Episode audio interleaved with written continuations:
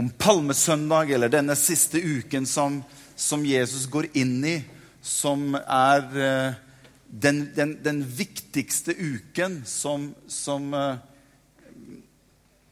som Jesus går inn i. Alt kulminerer på en måte opp i denne siste uken til Jesus. Eh, og målet hans er å nå korset. Målet hans er å komme seg til korset. For det er dertil han hadde kommet for å betale, for å vinne tilbake, for å kjøpe tilbake hele verdens folk. Eh, jeg har lyst til å, å, å, dele litt med dere i, i, formiddag. I dag blir det undervisning med, med, med snev av inspirasjon. Er det greit? Altså er, ikke, altså, no, du må ha noen ingredienser, så det, i dag blir det til forrett litt fra Gamle testamentet. Og så går vi inn i hovedretten, der, liksom, der hvor måte, Jesus liksom er eh, på korset. Og så blir det en skikkelig dessert etterpå med liksom, oppstandelse og litt sånn småkrydder ved siden av, som er veldig, veldig bra. Og så skal vi etterpå skal vi dele nadvær sammen, og så skal vi være med og be for og med hverandre. Og så skal vi dele fellesskap og oppleve det at han er sannelig oppstanden. Amen. Så jeg, jeg har lyst til å, å, å vise dere litt ting ut ifra det som, som har med påskens budskap å gjøre. Fordi at jeg tror en del som sitter her, ikke har helt oversikt eller innsikt i hva er det egentlig som på en måte har skjedd. Og en del av dere som er litt yngre, de, dere har godt av å bli med på en liten sånn dykk inne i hva, hva er det dette her egentlig dreier seg om. Skjønner, det er lett å bare synge en sang Hosanna, Hosanna, Hosanna, Hosanna, og det, liksom, det føles godt. Skjønner, hva er det egentlig vi synger om? Hva er det egentlig som har skjedd? Og noe av det har jeg lyst til å, å dele litt med dere i, i, formiddag. Er det greit? Så fasten your seatbelts, fram med penn og papir, eller hva du har måttet ha for noe. Noter, bli med meg, og så deler vi litt. For vi feirer påske nå. Og du vet at Vi i Norge vi er jo litt sånn at vi har jo hytter på fjell, og vi, vi stikker jo litt av gårde og koser og sånt nå. Og en del andre steder så er det litt motsatt. Der flokker folk til kirkene i påsken. Fikk nettopp en snap fra Benjamin. Han sa at det er så mye folk her nede at vi vet ikke hvor vi skal gjøre av dem hen. Hele foajeen vår var bare smekkfull av mennesker, og de må stå på utsiden av kirka, for vi, vi, vi har ikke plass til å få alle folka inn i kirka. Så det, vi er litt sånn forskjellig kultur. Men eh, vi, de som er her, vi skal få lov til å dele litt, eh, litt sammen. Vi feirer påske. Skjønner, det Ordet påske, har du tenkt på det? Det kommer egentlig fra det hva skal jeg si, som har med det jødiske påskenavn som heter Pesa. Det jødiske, hebraiske navnet Pesa betyr egentlig å gå forbi. Og ut ifra Pesa kommer det norske ordet påske. Så ordet påske betyr egentlig å gå forbi. Og hvor kommer det ordet 'gå forbi' ifra? Jo, det er jo jødenes påske, som de feirer ut ifra at Moses ledet Israels folk ut ifra Egypten etter at de hadde vært i fangenskap i Egypt i 400 år. Det skjer noe skjønner du, i det som har med den påskefeiringen. For skjønner, Jeg har lyst til å vise deg litt opp imot Gamletestamentet opp imot Det nye testamentet. Fordi Det er veldig viktig for deg og meg å forstå at Gamle og Nye testamentet det er ikke sånn at de liksom sånn småkriger litt sånn imot hverandre om hvem som har rett eller hvem som har galt. Nei, Det gamle testamentet er med og underbygger og viser lys og viser glans over det som er åpenbart i Det nye testamentet. Så Gamle testamentet er en fantastisk sted å være og hjelpe å se og få lys over noe av det som vi får enda enda mer lys over i Det nye testamentet. Så Paulus han snakker om at Det gamle testamentet det er en slags form for skygge, sier han. En avglans av det som skulle komme. Så når, når, når jødene feirer påske, så sier Gud til Israels folk at 'jeg kommer til å ta livet av hver førstefødt i Israel' for at det skal på en måte dere skal få lov til å slippe ut av fangenskapet i Egypt. Og det Gud sier, at dere skal ta et lam. Og jeg at Når jeg snakker nå, så vil jeg at du skal på en måte begynne å se på en måte hvordan Gud begynner å lage forordninger, lage avglanser, skygger, bilder på det som skal komme en gang. Det var noe av det som jeg snakket om forrige gang, fra Adam og Eva, hvordan de ble stengt ute, og hvordan ting begynte å skje. Og Gud måtte igjen, hva skal jeg si, han måtte skape en ny plan for å få folket tilbake til seg selv. Hvordan gjør Gud dette? Så Gud sier til, til Moses, si til folket at alle skal slakte et lam, og så skal de ta blodet av lammet, og så skal de stryke det på dørstolpene på utsiden av huset, på døren. Og så sier, den, så sier Gud at når jeg ser blodet på dørstokken på utsiden av huset, så vil jeg gå forbi. Jeg vil påske. Skjønner du? Det er det påske betyr. Gå forbi. Fordi at nøkkelen for Israels folk for å unngå at død skulle slå inn i hjemmet hvor de var, det var å ta et lam og ta blodet av det for å stryke det på utsiden. Hvorfor gikk engelen forbi? Jo, for når engelen kom, så ser han blodet. Og hva er blodet et tegn på? Det er et tegn på at død allerede har vært her. Du trenger ikke å gå inn her, for her er død representert. Så du kan gå forbi videre ifra dette stedet. Så når engelen går forbi huset, så er ikke det en handling av nåde eller at de på innsiden var tilgitt. Nei, det var at død har allerede vært her. Du kan gå videre. Engelen visste jo ikke at det ikke var et menneske på innsiden som hadde lidd døden. Den, jo, den så jo bare blodet, men det var, var jo at det var et lam som hadde mistet liv. På vegne av de andre, slik at de kunne få lov til å leve. Og lammet døde på vegne av hele det huset, slik at dødsengelen gikk forbi videre. Det er påske. Og det er dette jødene feirer, slik at det var det som førte folket ut ifra fangenskapet, og som er et sterkt bilde på det som en gang skulle komme noen år senere. Henger du med? Du skjønner, når Moses får beskjed om å gå inn vil, jeg, jeg, Du må få med dette her, kjære tid. Du skjønner, når, når Moses får beskjed om å skal gå inn og hente ut Israels folk Så hadde Moses vært ute i ørkenen i 40 år så møter Gud Moses på fjellet Sinai.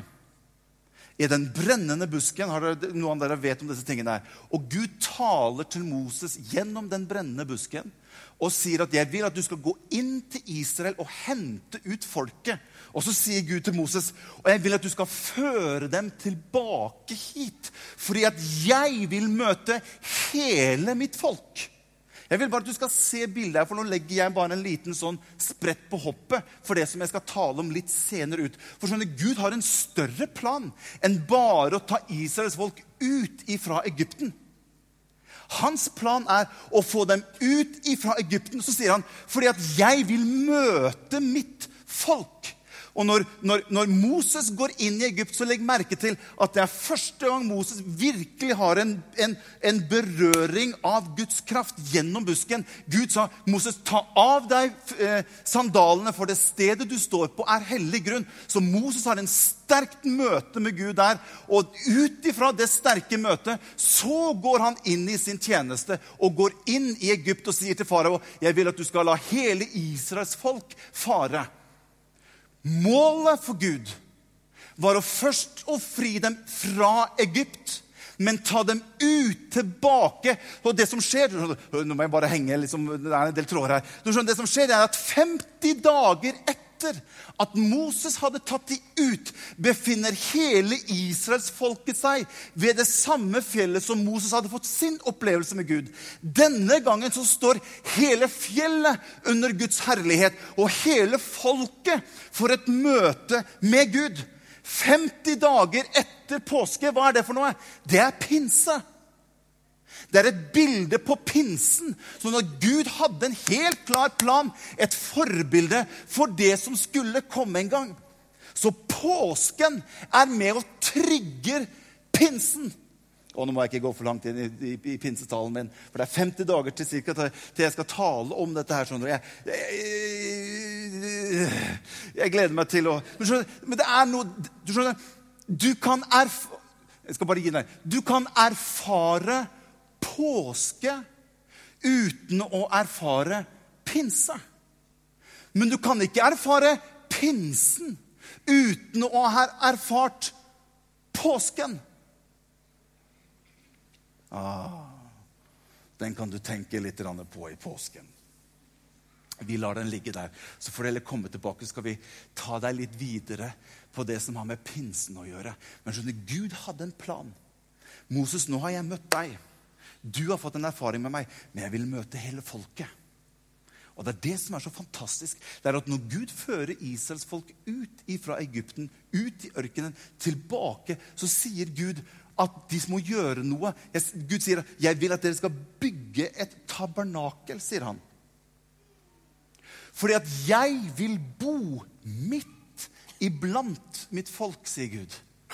Jeg husker Det var favorittverset når jeg reiste rundt og underviste om lovsang. Det var det, det, det var det, verset der. Gud ønsket å bygge tabernakel, og så sier han, 'For jeg vil'. Initiativet kommer fra Gud. Jeg vil bo midt iblant mitt folk. Så Israel kommer ut av Egypten. Og så sier Gud at jeg vil at dere skal bygge et tabernakel for meg, for at jeg vil bo midt iblant dere. Dette er en skygge på nytt igjen av det som skulle komme senere. Dere, henger dere med fortsatt? Nå må jeg bare se hvor jeg er her. Skal vi se. Ai, ai, ai. Jeg blir litt engasjert, så jeg, jeg, jeg Ja. Du skjønner, Johannes og Matteus skriver veldig bra om dette. her. Vi skal gå til Johannes kapittel 1, og vers 14 skal du lese noe som er veldig bra. Der sier Johannes at ordet Da snakker det om Jesus. Ordet ble kjød og tok bolig iblant oss. Og vi så hans herlighet, den herlighet som den enbårne har. Da trykker jeg på start. 35 minutter fra nå. Den enbårne har fra Faderen, full av nåde og sannhet.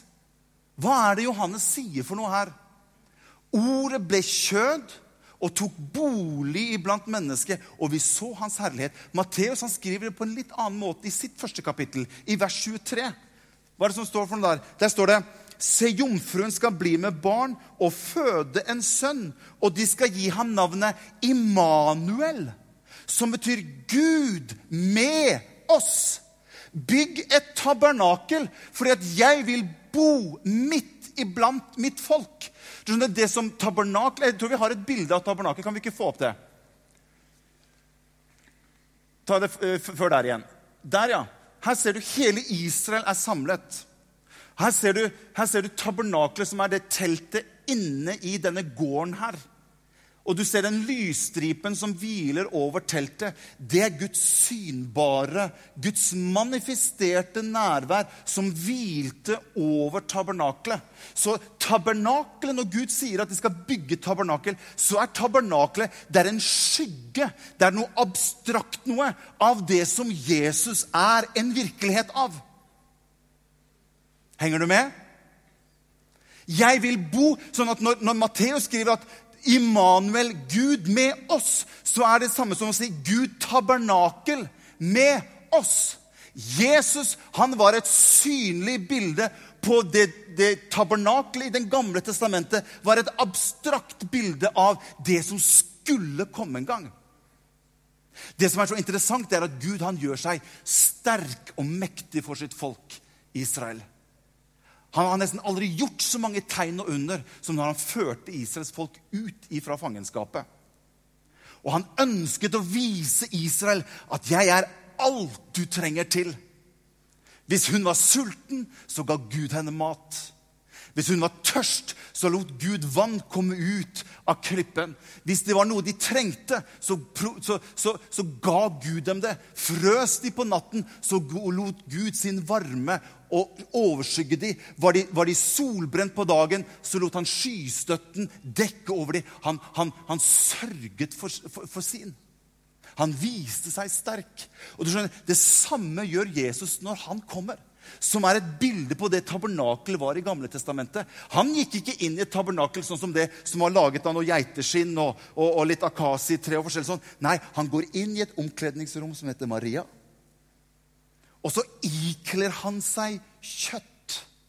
Og det er det Johannes sier. ordet ble kjød og tok bolig iblant oss.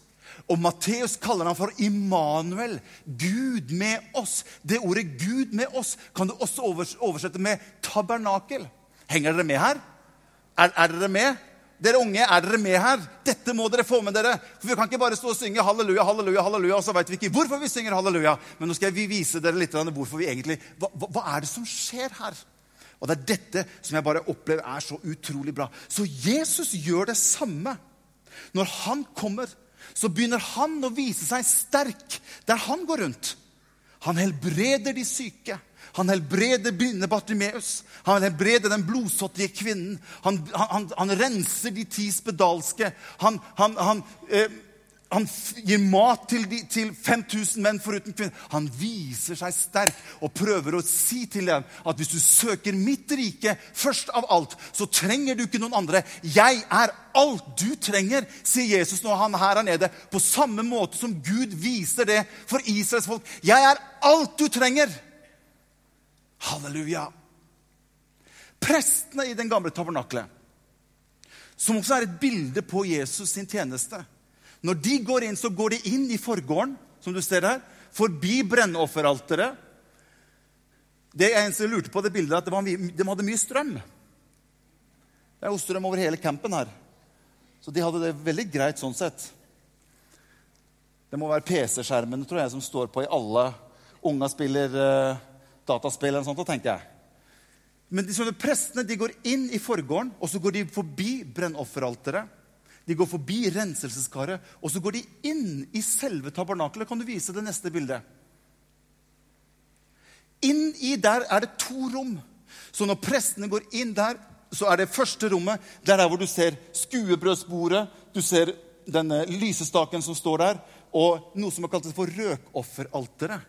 Men inne i tempelet så er det noe som skiller der hvor Gud er, i forhold til der hvor prestene kunne være. For hvis du så den lysstreken som var over tabernakelet, så hviler den over det aller innerste rom, som kaltes for det aller helligste rommet. Der var der Gud var. Det var der hans herlighet hvilte, og ingen menneske kunne gå inn dit. Gikk du inn dit, så ble du slått død om. Det var et skille mellom Gud og mennesket. Det forhenget som du ser der, det er det samme som jeg nevnte forrige søndag. At når Adam og Eva ble jagd ut av Edens hage, så satte Gud opp av, et skille mellom seg og mennesket. De kunne ikke lenger komme inn og ha fellesskap med Gud. Og det forhenget det forble hos Israels folk hele veien. Og helt opp til Jesus. Inni der hvilte Gud. Det er derfor Jesus sier når han er tabernaklet her, så sier han at 'Herrens ånd er over meg', for han har salvet meg. For Han var også et bilde på tabernaklet hvor Guds herlighet hvilte over. Men det var et forheng som splittet og som delte Gud ifra mennesket. Og ikke noe menneske kunne komme inn dit og få kontakt med Gud. Når Jesus går rundt og viser sin styrke og sin kraft for mennesket, så opplevde folk at dette her er bra. Wow, for en fyr. Og de hyllet Jesus, og de sang Hosanna, og de, og de syntes det var så bra med Jesus. Inntil Jesus begynte å nærme seg det han hadde kommet for. Jo nærmere Jesus kommer korset, jo flere mennesker begynner å trekke seg på avstand ifra Jesus. Og jeg har tenkt på mange ganger Hvor var den blinde Bartimeus hen når det begynte å røyne på, og det begynte å bli tøft? Hvor var de ti spedalske, eller alle de som Jesus hadde gjort under for? Når Jesus begynte å nærme seg, og trykket begynte å komme, så helt til slutt så gikk selv de nærmeste medarbeiderne til Jesus, disiplene hans, trakk seg unna.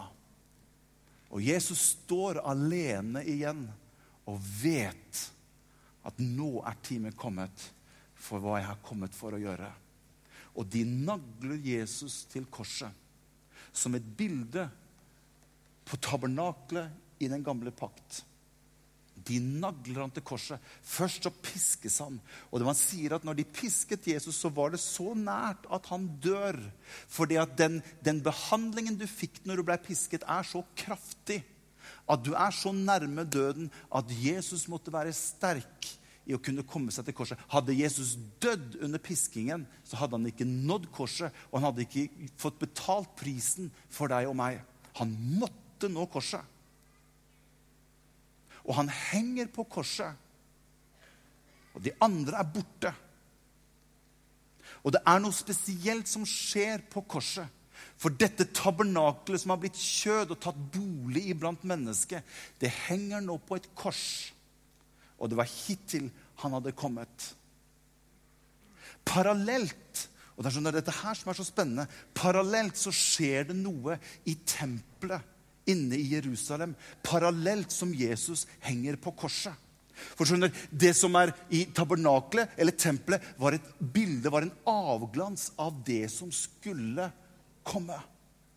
Så når Jesus henger på korset Til slutt så roper Jesus ut på korset, 'Det er fullbrakt'. Han var så ille tilrett, denne mannen at Jesaja skriver om Jesus at vi, vi skjulte våre ansikt for ham. Vi, vi, greide ikke å se på ham. Så ille tilrett var Jesus når han henger på korset. Men han henger der for din og min skyld. Og så roper Jesus ut, 'Det er fullbrakt'. Og en soldat i nærheten tar et spyd og stikker spydet i siden hans og revner opp hele siden til Jesus. Da skjer det noe fantastisk inne i tempelet, der hvor ypperstepresten står og skal gjøre sin påskemåltid i stand, sin påskehandling i stand. Plutselig mens han står der inne, og Jesus' side blir åpnet, der står det at da revnet dette forhenget inne i tabernakelet, som hadde vært lukket siden Adam og Eva var et faktum, det nå i det øyeblikket så står det da revnet forhenget i tempelet fra øverst til nederst. Og det åpnet en vei. Ikke i første omgang for at Gud kunne komme ut, men for at du og jeg kunne få lov til å komme inn. Det er det som er forbildet. Han hadde vært hos oss som tabernakelet. Det er derfor det står så fantastisk i det verset som står i Hebrebre kapittel 10 og vers 19. Så har vi da, søsken Da er vi tilbake, liksom. Så har vi da, søsken, frimodighet ved Jesu blod til å gå inn i helligdommen. Det som hadde vært stengt, og som ikke noe menneske kunne komme i nærheten av engang. Når hans side ble åpnet, så åpnes det opp en vei. Så kan vi da med frimodighet gå inn i helligdommen, dit han har innviet en ny og levende vei. Og se hva som står for oss gjennom forhenget. Det vil si hans kropp. Så når Jesu kropp ble revnet i stykker, så var det det som var prisen å betale for at forhenget som hadde skilt mennesket fra Gud, det ble revet opp. Og alle mennesker hadde nå mulighet til å kunne komme like inn i helligdommen og finne frelse ved Han som betalte en pris for alle mennesker. For deg og for meg. Halleluja! Fantastiske Jesus. Og jeg må si, når jeg, når jeg, sitter, og, når jeg sitter og går inn i dette, så tenkte jeg Hellige Ånd, kom og la, la, folk få se litt hva du har gjort. La folk få se hvor genuin din plan har vært. For skjønner, Jesus stopper ikke med dette. Du skjønner, Når Jesus står opp ifra de døde må gi meg fem minutter til. Når Jesus, stopp, når Jesus står opp ifra de døde, han står ikke opp for at han skal komme tilbake på jorden. For det er ikke helt ferdig enda. For det som ypperstepresten gjorde i Det gamle testamentet en gang om året, det var at han gikk like inn i helligdommen, og så stenket han blod på nådestolen, på paktens ark, på vegne av folket, slik at folket kunne få lov til å oppleve og få frelse. Har du lagt merke til at når Jesus står opp ifra de døde, og han møter Maria i, i, i hagen, så plutselig så oppdager Maria det er jo deg, Jesus! Og, og, Maria hadde jo sikkert lyst til å gi han en skikkelig god påskeklem. Men Jesus sier til Maria, 'Maria, vent litt', grann, sier han. Skjønner du? Jeg er ikke ferdig med å gjøre det som ypperstepresten gjorde i tabernaklet. Som en gang om året gikk like inn i det aller helligste for å stenke blodet på nådestolen. Jeg er, ikke rør ved meg enda, sier Jesus til, til Maria, for jeg har enda ikke vært hos min far. Hva er det Jesus skal gjøre for noe? Og Når jeg sitter og leser dette her Det, det, er så fantastisk når Den hellige ånd bare åpner opp når du begynner å se noe i Guds ord. Hør. Målet med Jesus når han står opp igjen, det er å gå inn i himmelen og bli vår ypperste prest. Israels folk hadde hatt sin ypperste prest, som var den som var, den som var innenfor Gud, og skaffet soning på vegne av hele folket. Jesus sitt mål når han står opp ifra de døde, er å bli din og min ypperste prest. Og sånn, Ikke nok med det. Henger du med to minutter til, eller? For jeg har noe veldig veldig bra jeg har lyst til å dele med deg. Du skjønner, Det var en annen som hadde stått innenfor Gud en gang. På vegne av deg og meg. Som kalles for anklageren. Se hva som står her i Johannes' åpenbaring, kapittel 12, vers 10. Du skjønner, Det var en plass foran Gud som vår anklager, din og min anklager, hadde hatt innenfor Gud. Hvor denne anklageren kunne komme innenfor Gud dag og natt og fortelle om hvor dårlig Morten er. Og hvor elendig han er. Og nå har han falt igjen. Nå har, nå, nå, nå har det gått gærent igjen. Morten han duger ikke til noe. Ser du hva han har gjort, Gud? Ser du hva han har tenkt å gjøre? Se hva han driver med nå. Se, ser du dette, Gud? Og Gud måtte gi anklageren rett. Den plassen hadde den onde foran Gud og anklaget meg. Se hva som står her. Så hørte jeg en høy røst i himmelen si, frelsen og styrken og riket tilhører fra nå av Gud, og makten og tilhører Hans Kristus. For anklageren blant brødrene våre, han som anklaget dem fremfor Gud, dag og natt er kastet ned. Nå kommer Jesus, og hans mål er å fylle den plassen med noe annet. Han ønsket å bli min ypperste prest. Se hva som står i neste, på, de neste vers.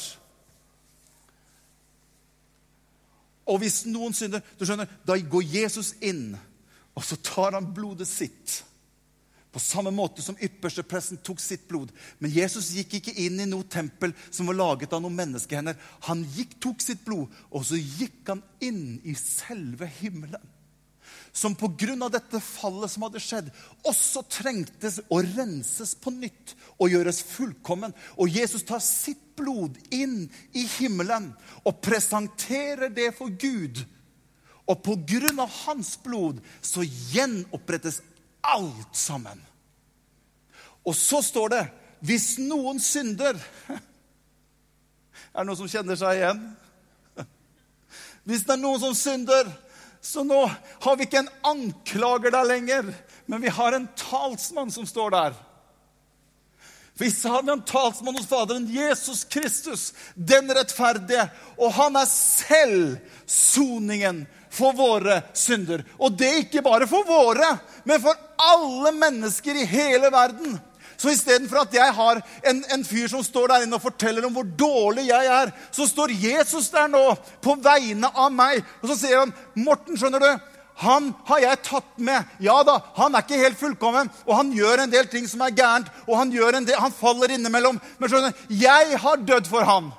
Han er innunder mitt blod. Ingenting kan ramme han, fordi at du må, du må gå forbi han, fordi han er innunder mitt forsoningsverk.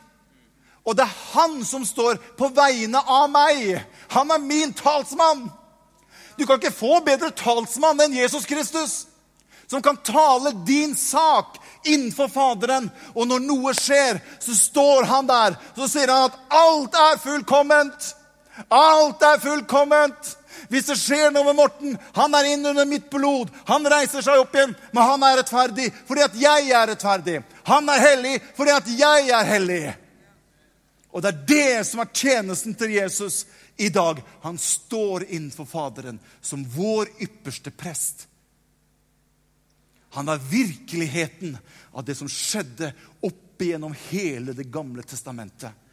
Og der står vi i dag. Fantastiske Jesus. Skjønner du da at det er ålreit å prise Gud litt innimellom? Og takke Han for hva Han har gjort? Vi, vi, vi, vi ser ikke brøkdelene av det engang. Noen ganger så kan bare Den hellige ånd bare gi oss noen små lysglimt inn i vår sjel. Og det kom det skriftstedet dette, dette håp som er en anker for min sjel. Noen ganger så er det så godt å bare ta tak i den kjettingen, så bare kjenner du Ja, det, det står fast. Det er ingenting som kan rykke ved det håpet jeg har fått i Jesus Kristus. Og jeg har lyst til å si til deg, Hvis du er her i dag og ikke har fått lov til å oppleve det håpet i ditt hjerte, så har han dødd for deg også. Ikke bare for våre, men for hele verdens synder har han betalt denne prisen. Og du kan få lov til å få fred med Gud. Kan vi ikke få opp alle sangerne? Halleluja.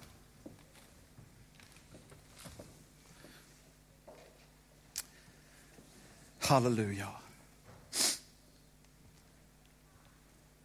Halleluja. Får du noe ut av det? Korset. For et sted der jeg var iberegnet.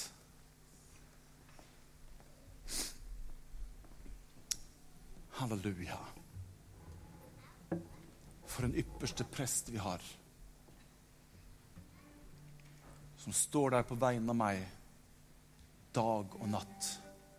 Han bare løfter opp sitt fullbrakte verk og forteller at det er fullkomment, det er fullbrakt. Og han gjenopprettet alt sammen. I himmelen, på jorden og under jorden. Alt. Alt er gjenopprettet. Kan vi ikke reise oss opp, alle sammen? La oss bare fortsette å være litt i hans nærhet.